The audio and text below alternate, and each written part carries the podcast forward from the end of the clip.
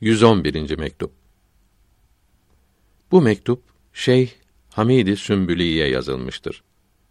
Tevhid kalbi Allahü Teala'dan başka şeylerden kurtarmak olduğunu bildirmektedir. Allahü Teala'ya hamdolsun. Onun seçtiği kullarına selamet olsun. Tevhid kalbi Allahü Teala'dan başka şeylere bağlanmaktan kurtarmak demektir. Kalbi masivaya çok az bile olsa bir bağlılığı bulunan kimse tevhid sahibi olamaz. Masiva Allahü Teala'dan başka şeylerin hepsi demektir.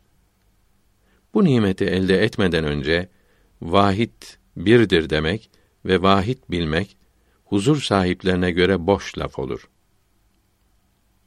Evet, iman etmiş olmak için vahid demek ve vahid bilmek lazımdır. Fakat bu Allahü Teala'dan başka tapınacak hiçbir şey yoktur demektir.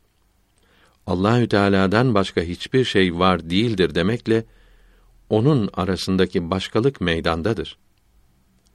Tasdik iman ilimle olur. Vicdanla anlamaksa bir haldir. Bu hale kavuşmadan önce bunun üzerinde konuşmak doğru olmaz.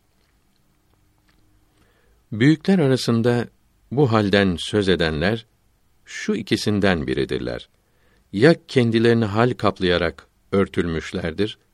Bunun için sorguya çekilmez, suçlanmazlar yahut hallerini başkalarına örnek olmak için bildirmişlerdir. Böylece başkaları kendi hallerini bu büyüklerin halleriyle ölçerek doğru olup olmadıklarını anlasınlar. Bu ikisinden başka sebeple halini, sırrını açıklamak yasaktır. Hak Teâlâ, o büyüklerin hallerinden az bir şey biz yabancılara da ihsan eylesin.